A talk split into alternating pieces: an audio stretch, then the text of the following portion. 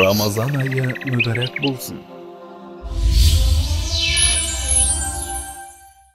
بسم الله الرحمن الرحيم الحمد لله رب العالمين والصلاة والسلام على رسولنا محمد وعلى آله وصحبه أجمعين السلام عليكم ورحمة الله وبركاته құрметті мұсылман бауырлар аға інілер әпке қарындастар алла тағала бүгін ұстаған оразаларыңызды қабыл етсін жасаған құлшылықтарыңызды қабыл етсін тілеген дұға тілектеріңізді қабыл етсін бүгін біз орталық мешітте бұйырса нәміл сүресі және қасас сүрелерін оқитын боламыз. Яғни меңзеп отырғаным тараух намазында осы сүрелерді оқитын боламыз. Әуелі нәміл сүресінің қысқаша мазмұндамасына тоқталып өтелік. Нәміл сүресі меккеге кезеңде түскен яғни сүре меккелік сүре болып табылады. Шұғара сүресінен кейін түскен кешегі біз аз кем тоқталған сүреден кейін түскен. 93 аяттан тұрады. Сүре өзінің атауын пайғамбар сүлеймен алейхисаламға жол берген құмырсқаға қатысты айтылған қыссаның 18 аяттан алады яғни осы қысса айтылған 18 аяттан алады. Сүре кей деректерде сүлеймен сүресі деп аталады. Себебі сүлеймен пайғамбардың аты аталғандықтан сүреде сүлеймен сүресі деп те аталады. Сүре негізінде құранның бір уахидың жемісі екендігі уахидың бір жемісі екендігін алла тағала бастайды. Әуелі мұса сүлеймен салих лут алейхимассалам аллаға баршасына сәлем болсын. Солардың әрқайсысының қысқа қысқа ғұмыр баянына тоқталып өтіп артынша алла тағаланың таухидының алла тағаланың жалғыз екендігін көрсететін дәлелдерге тоқталып өткен. Сүренің мазмұнына қарасаңыз бір кіріспе бар кейін екі бөлім тарау ретінде қарастыруға болады. Меккелік кезеңнің екінші жартысында түсі деп саналатын нәміл сүресі әуелі тасин деп басталатын хуруфул мұқатта әріптермен басталады. Одан кейін алла тағала құранның және иләһи бір кітаптың аяттары екендігін алла тағала түсіндіреді. Одан кейін алла тағала бұл аяттардың иман келтірген және иманын намаз қылу намаз оқу зекет беру секілді істермен толықтырып қиямет күнінде есеп қисапқа иман келтірген адамдар үшін тура жолға бастайтындығын алла тағала баян етеді. Яғни құран кәрім былайша айтқанда алладан иман келтірген алладан қорқатын пенделер үшін тура жолға жетелейтіндігін алла тағала баян етеді одан кейін алла тағала ақыретке иман келтірмегендердің дүниеде бір ғапылдықта болатындығын және олар бір қиындығы мол ауыртпашылығы көп бір өмір ғұмыр кешетіндіктерін алла тағала баян етеді. Ал өлімнен кейін оларды басқа бір одан да қиын зарар істеген істерінің жазасын істеген күнәларының сазайын тартатын бір келешек күтіп тұрғандығын алла тағала баян етеді. Бұдан кейін алла тағала пайғамбар саллаллаху алейхи уассаламның айтып өткенімізде екі тарау деп айттық. Бірінші бөлімде пайғамбарлардың қыссалары айтылады. Ең әуелі қысқаша мұса алейхисаламның таблиғ өміріне тоқталып өтеді. Яғни дағы жасаған дағуатының кішкентай бір бөлігіне тоқталып өтеді. Одан кейін ферғауынмен арасында болған мәселеге тоқталады. Ферғауынға анық айқын мұғжизалар көрсеткендігін бұның артынша пайғамбар саллаллаху алейхи уассаламның ең алғаш дағуат жасалған пайғамбар саллаллаху дүниеге келген хижаз аймағындағы арабтардың және соған жақын тұрған әхлі кітаптардың ерекше орны бар сүлеймен алейхисаламның пайғамбарлығы және оның патшалығы жайында алла тағала сөз қозғайды сүлеймен алейхисаламның дәуіттің ұлы екендігі және оған ерекше хикмет даналық бергендігін айтады ғылым бергендігін айтады және оны көптеген алланың пенделерінен үстем қылғандығын алла тағала баян етеді. Одан кейін дәуіттен кейінгі мирасқордың сүлеймен болғандығын баян етеді. Сөйтіп алла тағала мынандай бір баян келтіреді. Сүлеймен алейхисаламға жыннан адамзаттан құстан болған әскерлер түгелдей жиналды дейді. Олардың басы біріктіріліп былай бір жолда келе жатты дейді. Сөйтіп олар бір құмырсқа көп мекендейтін бір жерге келді дейді. Үлкен бір сайға келді. Сол сайға келгенде бір кішкентай құмырсқа шығып былай деді дейді. Ей құмырсқалар! Өздеріңнің илеулеріңе кіріңдер яғни індеріңе илеулеріңе кіріңдер сендерді сүлеймен және оның әскері байқамай сезбестен сендерді неғып жүрмесін сындырып белдеріңді үзіп жүрмесін деп айтқан сүре негізі атауын осы құмырсқалар деген атаудан алған бұны естіген сүлеймен алейхисалам жымиып күлді дейді сөйтіп былай деп айтты раббым маған берген нығметіңе әке шешеме берген нығметіңе шүкіршілік етуімді нәсіп ет. Сен разы болатын салих амалдар жасауыма нәсіп ет. Және мені өзіңнің рахымыңмен өзіңнің жақсы садиқ көретін құлдарыңның қатарынан қыл деп дұға етті дейді. Бұл жерде тәпсірші ғалымдарымыз мынандай бір қызық нәрсе айтады. Сіздер дейді мән беріп қарасаңыздар құмырсқа ең әуелі бүкіл құмырсқаларды өзіне қаратып алған дейді. Ей құмырсқалар деп. Кейін илеулеріңе кіріңдер деп айтқан дейді. Бұл жерде біріншіден адамдарды қарату бар өзіне. Екіншіден ескерту бар індеріңе кіріңдер деп. Үшіншіден оның себебін түсіндірген. Сендерді сүлеймен және оның әскері байқамастан сендер бас кетпесін деп айтқан.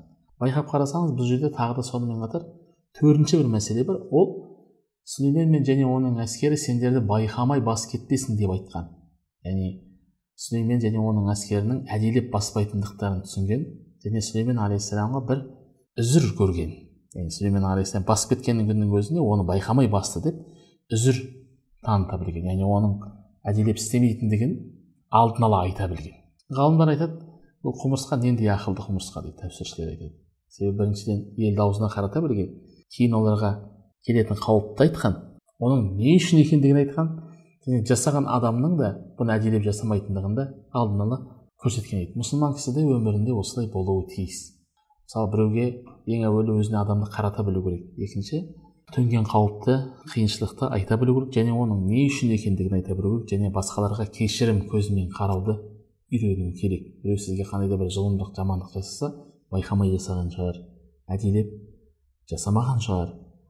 Біз барып ескертейік айтайық мүмкін өз тәубасына келер деген сыңай танытып жүруі керек. Қысқаша айтқанда біз сол кішкентай ғана құмырсқадан ғибрат үлгі алуымыз керек. Сүлеймен алейхисаламның ерекшелігі ол бүкіл жан жануарлардың тілін түсінген жындарға адамдарға құстарға барлығына билігі жүрген. Сәба мемлекетінің патшасы білқыспен болған әңгімесі және оны қалай хақ дінді түсіндіргендігі салих алейхисалам лут алейхисаламның жаса қауымдарына жасаған таблиғ дағуаттарына тоқталып өтеді. Және осы екі салих алейхисалам мен лут алейхисаламның қауымдарының илахи дағуатты қабыл етпей пайғамбарларына қарсылық көрсеткендіктен илахи азапқа душар болғандықтарын да алла тағала баян етеді. Бұл айтылып жатқан оқиғалардың барлығынан біз үлгі алуымыз керек. Ғалымдарымыз айтады нұхқа алла кеме жаса деп айтты. Нұх алейхисаламға алла тағала кеме жаса деп айтты. Нұх алейхисаламды алла тағаланың айтқанын тыңдап кеме жасады. Кейін жер бетін түгел тобан су басқан кезде кемеге мінген нұх алейхисалам құтылды. Қалғандар түгел судың астында қалды түйін мораль дейді ғой. Алланың сөзіне құлақ асқандардың кемесі суға батпайды ағайын. Сондықтан бұлардың барлығы бізге келтіріп жатқан мысалдардың барлығынан біз үлгі ғибрат ала білуіміз керек екен. Сүренің екінші бөлімінде сөзді соға пайғамбар саллаллаху қаратып бастайды алла тағала. Кейін алла тағала алла тағалаға серік қосудың ақылы логика тұрғыдан ғылымнан сәл иісі бар адамның мынау жаратылысы бұзылмаған адамның ешқашан миына сыймайтындығын айтады. Алла тағала сонымен қатар табиғаттың жаратылуын адам өмірі мен оның түгел сәйкестігі адам баласының барлығы пайдасы мүддесі үшін жаратылғандығын алла тағала баян етеді. Бұдан кейін алла тағала осылардың бәрін келтіріп алла тағаламен тағы басқа бір тәңір болуы мүмкін ба деген сияқты аяттарды келтіреді. Яғни алла тағала бізді ойлануға санаға ой жүгіртуімізге алла тағала бізді шақырады. Сенің барлығын өзі білетіндігін алла тағаланың ақырет күнін жоққа шығарғандарға ескерту жасайды. Құранның пайғамбар саллаллаху әрдайым сиыну керектігін айтады. Сонымен қатар қияметке жақын бір уақытта жерден бір жәндіктің мақұлықтың шығып ол адамдардың оған қарсы әртүрлі іс әрекетте болатындықтарын айтады. Сүренің аяғында алла тағала өзінің құдіреттілігін тағы бір мәрте мұғжизаларын көрсететіндігін білдіруімен сүре бітеді. Негізінде нәміл сүресіне кіріс жалпы мазмұнына қарасаңыз сүре әрдайым алла тағаланың бір екендігіне алла тағаладан түскен діндердің ең соңғысы болып табылатын және ең ақиқат болып табылатын ислам дініне қарсылықтың күшейетіндігін баян етеді. Дәл сол уақытта бұл сүре түскен. Осымен сүре тамам. Сүренің негізгі айтқысы келген ойы сүренің негізгі форматы түбінде аллаға иман келтіргендердің жеңіске жететіндіктері және алла тағаланың пайғамбарларының әртүрлі болатындығы кейбір пайғамбарларды алла патша да қылған пайғамбарлықты қатар берген кейбіріне жай пайғамбарлық берген кейбіріне пақырлықпен бірге пайғамбарлық берген деген секілді пайғамбарлардың да әртүрлі нығмет беретіндігін алла тағала баян еткен. Нәміл сүресінен кейін біз құдай қаласа бүгін жамағатпен қасас сүресін оқитын боламыз. Нәміл сүресінен кейін. Нәміл сүресі меккелік кезеңде түскен сексен сегіз аяттан тұрады. Сүре өзінің атауын арабшада қисса сөзінің көпше түрі болатын көпше түрі болып саналатын қасас деген сөзден алынған қасас деген сөз қазақша қиссалар деген сөз. Сүреде пайғамбар мұса алейхисаламның өмірі және перғауынмен арасында болған уақиғаларға сонымен қатар қарун қыссасына ерекше мән береді. Қасас сүресі мұсылмандардың меккелі мүшіріктерден өте қатты қиыншылық көріп жатқан кезінде түсінген.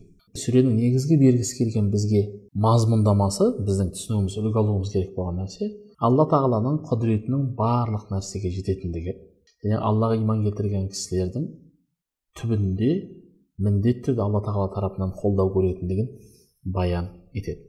Сүренің алғашқы аяттары та си мим деп басталған бұларды хуруфул мұқаттаа дейді. Бұл мағынасын алла тағала біледі деп айтқан ғалымдарымыз. Бұл ең дұрыс тәпсірі. Себебі әртүрлі көзқарас айтылғанмен негізінде ең дұрысы оны алла тағала біледі деп түсіндіргеніміз дұрыс.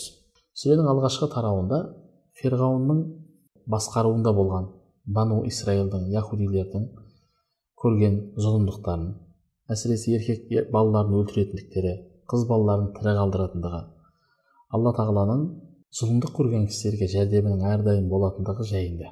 Кейін мұса алейхисаламның балалық шағы жастық шағы мысырдан мәдиянға келуі ол жерде үйленуі мысырдан қайта оралуы жанұясымен келе жатқанда жанұясымен бірге тур тауына шығуы сол тур тауында өзіне уахи түсуі. Содан кейін мұса алейхисаламның таблих қызметінің басталған таблих деп отқанымыз дінге шақыру дінді тарату.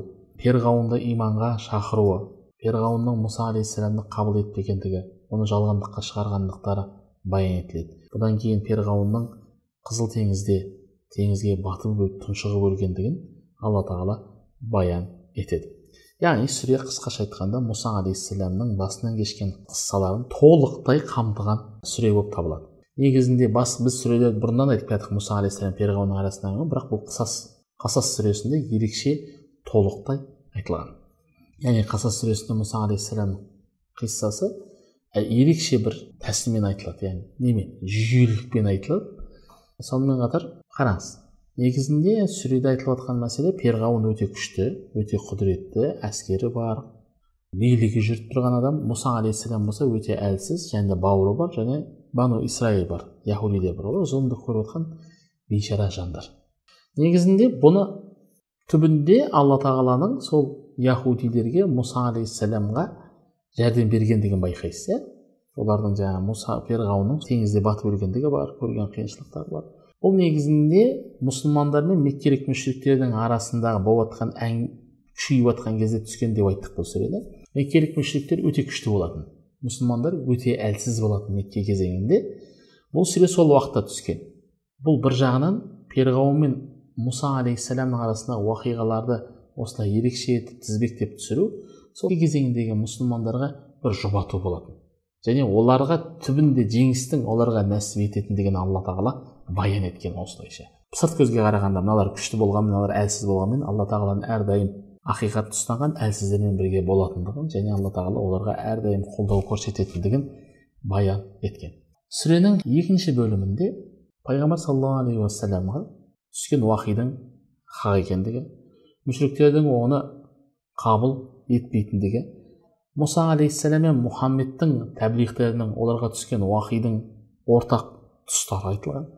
Әсіресе мұса алейхисалам мен ферғауынның арасындағы текетірестің қайшылықтың пайғамбар саллаллаху алейхи уассалам мекке мүшриктерінің арасында да болып жатқандығына назар аудартқан. Сонымен қатар бұл бөлімде пайғамбар саллаллаху алейхи уассаламның өзі жақсы көрген кісісін тура жолға сала алмайтындығы қанша тырысса да бұл істің болмайтындығына хидаяттың тура жолға салудың тек қана бір алланың қолында екендігін баян ету бар. Әсіресе осы сүренің елу алтыншы аятына қатысты бір риуаятымыз бар. Бұл риуаятта осы аяттың елу алтыншы аяттың пайғамбар саллаллаху алейхи уассаламның көкесі абу талиб жайында түскен деген дерек бар. Абу талиб өлім төсегінде жатқанда ажалы келіп жатқанда пайғамбар саллаллаху алейхи уассалам оған иманға шақырған. Алайда ол құрайыштың сөзінен қорқып иман келтіруден бас тартқан. Дәл осы кезде аят түскен иә мұхаммед сен өзің жақсы көрген адамдарыңды тура жолға сала алмайсың деген яғни пайғамбар саллаллаху алейхи уассаламның жанында туыстары болса да иман келтірмеген кісілер болған бұл аят осылайша пайғамбар саллаллаху алейхи уассаламды жұбатқан бір жағынан қарағанда яғни қараңыз нұх алейхисаламның баласы иман келтірмеген салих лут пайғамбарлардың әйелдері иман келтірмеген пайғамбар саллаллаху алейхи уассаламның көкесі иман келтірмеген қысқасы жамағат бұл алланың ісі. Алла қалағанына хидаят береді.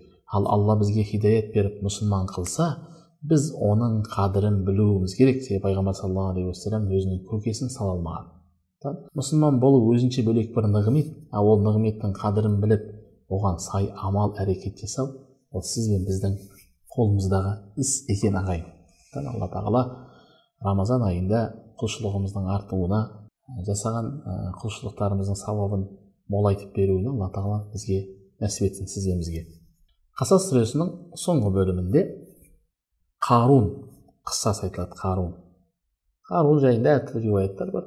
Негізінде мұса алейхисаламның қауымынан болған үлкен бір байлыққа молшылыққа ие болған қарун жайында айтады. Және қарунның өз байлығына сеніп тәкаппарлық көрсеткендігі менменсіздік жасағаны адамдарға зұлымдық жасағаны соңында алла тағаланың ол бүкіл байлығымен бірге жерге жұтқызып жібергендігі айтылады. Бұл жалпы қарунның жайында қарун кім екені жайында бірнеше риуаяттар бар. Біз оған келесі анкабут сүресінде тоқталып өтетін боламыз. Қарун негізінде кейбір риуаяттарда келеді. Мұса алейхисаламға дұға ет деген маған мені бай етсін деп. Мұса алейхисалам дұға еткен соң ол шынымен ақ дұғасы қабыл болып мұса керемет бай болған. Бірақ малының зекетін бермеген садақа бермеген. Малындағы дүние мүлкіндегі кедейлердің ақысын бермеген. Зекетін келіп сұраған кезде мен өзім таптым дегендей астамшылыққа барған. Осылайша алла тағала оны батырып жүрген жерге жұтқызып жүрген қазақша айтқан кезде бұдан алатын біздің үлгіміз қандай? Негізінде дүние мүліктің біз сіз бен біз дүниенің жалпы фәни екендігін түсінуіміз керек. Дүниеде ешкім қалып қойған емес қалмайды. Да бұл біздің қазақша айтқанда егер дүние фәнилік болмаса бақилық болатын болса онда біздің бабаларымыз қайда? Бабаларымыздың тастап кеткен сарайлары қайда? Олардың байлықтары қайда? Олардың билеген тұстары қайда? Кешегі шыңғысхан қайда? Ақсақ темір қайда? Қайда олардың барлығы? Біз мұсылмандар танитын үлкен халифалар қайда? Харун рашид қайда? Сұлтан сүлеймен қайда? Олардың барлығы түгел не? Дүниенің фәни екендігін көрсетеді. Негізі біздің мақсатымыз менің сөзімнен мына нәрсе түсінбесін адамдар. Мынандай мынандай теріс мағына шықпасын дүние табуға болмайды немесе дүниені тауып жақсылыққа жұмсауға болмайды деген мағына шықпасын. Негізгі құранның сүннеттің шариғаттың көздеген мақсаты кісі еңбектеніп мал табу керек. Бірақ сол тапқан малын өзінің орнына зекетін садақасын беріп дұрыс орнына жұмсай білу керек. Себебі пайғамбар саллаллаху алейхи уассаламның өзі саудагер болған саудамен. Айналысқан бірақ сол тапқан дүние мүлкінің қазақша айтқанда ақысын берген. Дедік қарун жайында айттық қарун мұнда алла тағала әуелі перғауынды айтты. Кейін мұса алейхисаламмен екеуінің арасында текетіресті айтты одан кейін қарунды айтты. Ғалымдарымыз айтады қарунды айтуының үлкен сыры бар дейді. Себебі меккелік мүшриктердің арасында өте бай адамдар болатын. Және өзінің байлығына сенген өзінің бала шағасының көптігіне байлығының молдығына көптігіне сеніп астамшылық көрсетіп тәкаппарланған жандар болатын. Алла тағала сол қарунның мысалын келтіріп сендер де не қылыңдар деген бұдан ғибрат алыңдар. Сендер байлықты берген бірінші сенім мен қарунға да кезінде бергенмін. Бірақ мал мүлкі оны жақсылыққа иманға тура жолға хидаятқа жетелемеді. Бұл негізінде қарасаңыз сүредегі перғауын қыссасы биліктің қарун қыссасы экономикалық байлықтың күшін түсіндірген.